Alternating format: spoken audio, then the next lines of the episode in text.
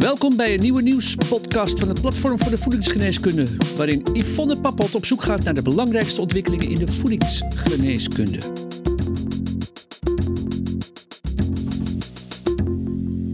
Hallo professionals, welkom weer bij de wekelijkse nieuwspodcast van Voedingsgeneeskunde. Met deze korte podcast willen we jou inspireren over de rol van leefstijl, voeding en specifieke nutriënten in relatie tot gezondheid en ziekte. Ik ben Yvonne Pappelt en ik ga vandaag met Frits Muskiet in gesprek over het sporenelement selenium. Frits Muskiet is emeritus hoogleraar pathofysiologie en klinische chemische analyse en nauw betrokken bij voedingsgeneeskunde. Frits verdiept zich nog dagelijks in allerhande voedingsissues. Heel hartelijk welkom Frits bij deze nieuwspodcast. Dankjewel Yvonne. Ja, selenium is één van die onderwerpen waar je deze maand over uitsprak. En daar wil ik het graag met jou over hebben vandaag. Het zal een uitdaging zijn om het kort te houden, maar we gaan ons best doen. Uh, waarom is selenium zo belangrijk, Frits? Nou, selenium heeft een hele belangrijke functie als een antioxidant. Uh, het wordt ingebouwd in eiwitten in de vorm van selenocysteïne. En daarbij de meeste uh, eiwitten die selenium inbouwen, die hebben te maken met of uh, antioxidant, of ze hebben te maken met de redoxstatus. En een heel belangrijke functie, maar eigenlijk is dat hetzelfde hoor, is in het schildklierhormoon-metabolisme. want de omzetting van T4 naar T3 is een seleniumafhankelijk proces. Ja, de voedingsnormen voor individuele nutriënten verschillen tussen landen en veranderen regelmatig. Eh, zo ook voor selenium. Wat is er veranderd eh, in Nederland? Ja, dat is ook de reden van deze, eh, van deze podcast. Um, heel belangrijk heeft, uh, hebben de Nordic countries, dus de Noorse landen, die hebben onlangs hebben ze de adequate intake hebben ze veranderd. En Nederland die heeft zich in 2018 geconformeerd aan de, aan de EFSA-normen. En dat betekende een adequate intake hè, van, uh, van 70 microgram per dag. En de Noorse landen hebben in het begin van dit jaar hebben ze die adequate intake hebben ze verhoogd. Hè, dus uh, onafhankelijk van de EFSA. En dat is dus nu geworden 75 voor vrouwen en 90 voor mannen. En heel belangrijk is dat uh, wat er ook gebeurd is, is dat zij nu een estimated average requirement, dus gemiddelde behoefte hebben gedefinieerd. Uh, ze noemen dat zelf een, uh, een voorlopige gemiddelde behoefte. En waarom is het nou belangrijk? Omdat met dit getal kun je de voedselconsumptiepeiling nog eens een keertje opnieuw bekijken. En dat geeft schrikbarende um, ja, uitkomsten. En daar zullen we het vandaag dan over hebben. Ja, en kunnen we stellen dat de inname in Nederland te laag is voor nagenoeg iedereen? Ja, dat, uh, dat kun je zeker stellen. Zeker voor volwassenen. Daar heb ik uh, eigenlijk het eerst naar gekeken. Kijk, eigenlijk wisten we dit natuurlijk al lang. Maar het probleem is dat je kunt zo'n voedselconsumptiepeiling kun je niet beoordelen aan de hand van een adequate intake. Uh, dat heeft allemaal met statistische toestanden heeft dat te maken. Maar nu dat de Noorse landen uitgekomen zijn met een estimated average requirement, dus gemiddelde behoefte, kun je dat wel. En uh, als je dan de uh, getallen van de voedselconsumptiepeiling 2007-2010 heb ik maar genomen, als je die bekijkt ten opzichte van deze nieuwe norm, dan blijkt dat 90% van de inname in Nederland van de volwassenen dat die onder deze inname zijn. En uh, wat mag dan? Hè? Uh, niet meer dan 10%. Nou, eigenlijk wisten we dit al lang, maar dus nu met het uitkomen van deze voorlopige aanbeveling kun je zeggen dat Nederland gewoon deficiënt is. Oké, want uh, ik wilde vragen wat dat dus voor de voedingsstatus betekent. Kun je daar nog iets meer over zeggen? Ja, zeker. Want uh, kijk, wat, wat men normaliter zegt, van dat een inname is ook niet heiligmakend. Uh, maar uh, je moet dan kijken naar de status. Nou, die statusgegevens die hebben we natuurlijk al lang. Die komen uit allerlei soorten onderzoek hier in Nederland komen die naar, naar voren. ja, we hebben zelf hebben niet meer dan controlegroepen en dat soort dingen gebruikt in ons onderzoek. Maar uh, een grotere studie daarvan, dat is de Prevent-studie, die baseert zich op de stad Groningen. En daar zitten heel wat mensen zitten daarin. En die hebben nog niet zo lang geleden hebben zij gekeken van wat nou eigenlijk de status is van de prevent-participanten.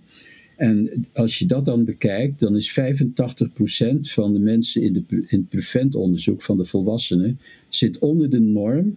De norm die men gebruikt heeft om de nieuwe voedingsaanbeveling eh, te doen. En die norm die is 110 microgram per liter selenium in het bloed. En uh, die is weer afgeleid van uh, een optimale selenop uh, concentratie. Selenop is een, een, heel belangrijk selenium transporterend uh, eiwit in de circulatie. En als je die optimaal wil hebben, dan moet je een status hebben van 110. En op, op grond daarvan heeft dus, hebben de Noor Noorse landen dus besloten om de adequate intake om, die te, om die te verhogen. Ja, en wat zijn de belangrijkste consequenties van, van deze conclusies, Frits? Ja, nou, eh, de belangrijkste conclusie is dat Nederland onder die norm zit. En je kunt dus gaan praten, wat heeft dat voor consequenties voor onze gezondheid? Ja, nou, dat zijn, uh, meestal zijn dat, uh, ja, zijn dat associatiestudies hè, en uh, geen keiharde randomized control trials die ten onrechte als enige norm gelden tegenwoordig. Maar goed, even, even los daarvan. Eh, we weten dat eh, selenium eh, met zeer veel problemen te maken heeft. Een van de belangrijkste die momenteel in de picture is, dat is hart- en vaatziekten. wat ook bijvoorbeeld dat Prevent-onderzoek, dat was daarop gericht. Maar nou, dat was niet het enige onderzoek. Er zijn tig onderzoeken die aantonen dat het met hart- en vaatziekten te maken heeft. Daarnaast is natuurlijk altijd nog de link met kanker. maar er zijn een heleboel andere ziektes waar meestal associaties mee zijn. maar neem maar aan van dat, dat, dat dat serieus genomen moet worden en dat, dit, dat het ja, echt uh, causale verbanden zijn. Ja, te weinig selenium uit de voeding dus. Maar waar halen we selenium uit, Frits? Ja, dat, dat is dus ook het probleem. Want ehm, kijk, we komen dus 500 miljoen jaar geleden komt het leven uit zee. En in, voor die tijd het zeewater heeft al miljoenen jaren heeft dat gewoon dezelfde samenstelling. Maar als je dan het land opkruipt, dan kom je daar eh, gebieden tegen met heel laag selenium en heel hoog selenium. bijvoorbeeld in China zijn eh, gebieden waar zoveel selenium in de grond zit, dat de planten die dat opnemen, dat die gewoon toxisch voor ons zijn. Maar Nederland, als, zoals heel West-Europa, dat is seleniumarm in de bodem. En dat zie je ook min of meer terug aan waar we selenium uithalen. Want niet meer dan 2% van onze selenium halen we uit, uit groenten. Uh, het meeste halen we uit, ehm, uit, uit vlees. vleesproducten. dat zal ongetwijfeld ermee te maken hebben dat die koeien, varkens en dat soort aanverwante toestanden, dat die, ja, dat die dat gewoon in hun voer meekrijgen. Maar als je dus gewoon zo simpelweg via de voedselketen zou zitten in Nederland, dan zit je heel laag in je selenium. En uh, nou, dat zou je dus moeten corrigeren op een of andere manier. Ja. Uh, dus belangrijk is uh, dat men dat haalt momenteel uit, uit vlees. En we gaan steeds minder vlees eten. dat je het ten tweede haalt uit granen. En we gaan steeds minder brood eten. En ja, als je daar groente en fruit voor tegenover zet, en als het van Nederlandse bodem is, dan denk ik dat het alleen maar nog slechter gaat worden. Ja, en ik heb begrepen dat paranoten een goede bron van uh, selenium zijn. Ja, dat is een goede, Yvonne. Fijn dat je dat, uh, dat je dat noemt, want dat is, een, ja, dat is een enorm misverstand. Kijk, je moet begrijpen dat planten, hè, planten hebben, de meeste planten hebben gewoon geen selenium nodig. ze hebben er ook geen last van. En ze nemen het op als in hun, ja, omdat selenium zo ontzettend veel lijkt op zwavel. Dus ja, de hoeveelheid selenium die in groenten dan wel in paranoten zit, heeft gewoon te maken met de grond. En paranoten komen, van oudsher komen ze uit het Amazonegebied en daar zit ontzettend veel selenium in de bodem. Maar als je paranoten gaat nemen uit Colombia, dan zit daar gewoon nul in dus uh, als je paranoten koopt, dan moet je maar eens kijken op de verpakking. Nou, daar staat niet op waar het vandaan komt. Dus ja, het is zeer ongewis. Ehm, we weten gewoon niet wat je aan selenium naar binnen krijgt. Simpelweg via paranoten vanwege het feit dat je niet weet waar die paranoten vandaan komen. Ja, Dus laten we dat misverstand alsjeblieft uit de weg helpen. Ja, dat is natuurlijk altijd lastig te bepalen hoeveel selenium er in verse groenten en ook andere producten zit. Nou, het is vooral dus in dit geval van, van welke bodem het vandaan ja, komt. Ja, precies. Dat is ja, wat, wat is tot slot jouw conclusie en advies ten aanzien van het uh, op peil brengen van uh, de seleniumstatus in Nederland? Nou, er zijn drie manieren waarop je dat zou kunnen doen. Je zou natuurlijk een supplement kunnen nemen, wat dus ook weer aantoont dat die uh, populisten die staan te roepen dat je supplementen niet nodig hebt en dat als je ja, simpel volgens de schijf van 5e, dat je dan wel uh, voldoende naar binnen krijgt. Hè. Dus ik, dit is hier gewoon simpelweg mee ontkracht. Ik hoop dat dat nou eindelijk eens een keertje als tegenwicht mag, mag dienen tegen al deze populisten. Uh, maar je kan dus supplement nemen. Ehm, ik schat dat je dan ongeveer 35 microgram moet nemen om op de adequate intake te komen. Hetzelfde 50 ehm, microgram per dag hè, aan selenium en vooral selenometionine moet je dan nemen. Um, de Amerikanen hebben berekend, omdat die een status hebben die iets beter is dan in Nederland, maar die hebben berekend dat je 50 microgram per dag nodig hebt. Dus supplement is één mogelijkheid. Tweede mogelijkheid is dat de Nederlandse overheid, net zoals Finland, hè, ehm, in feite de, ehm, de fertilizers gaat, ehm, gaat fortificeren met, met selenium, dus toevoegen aan de kunstmest.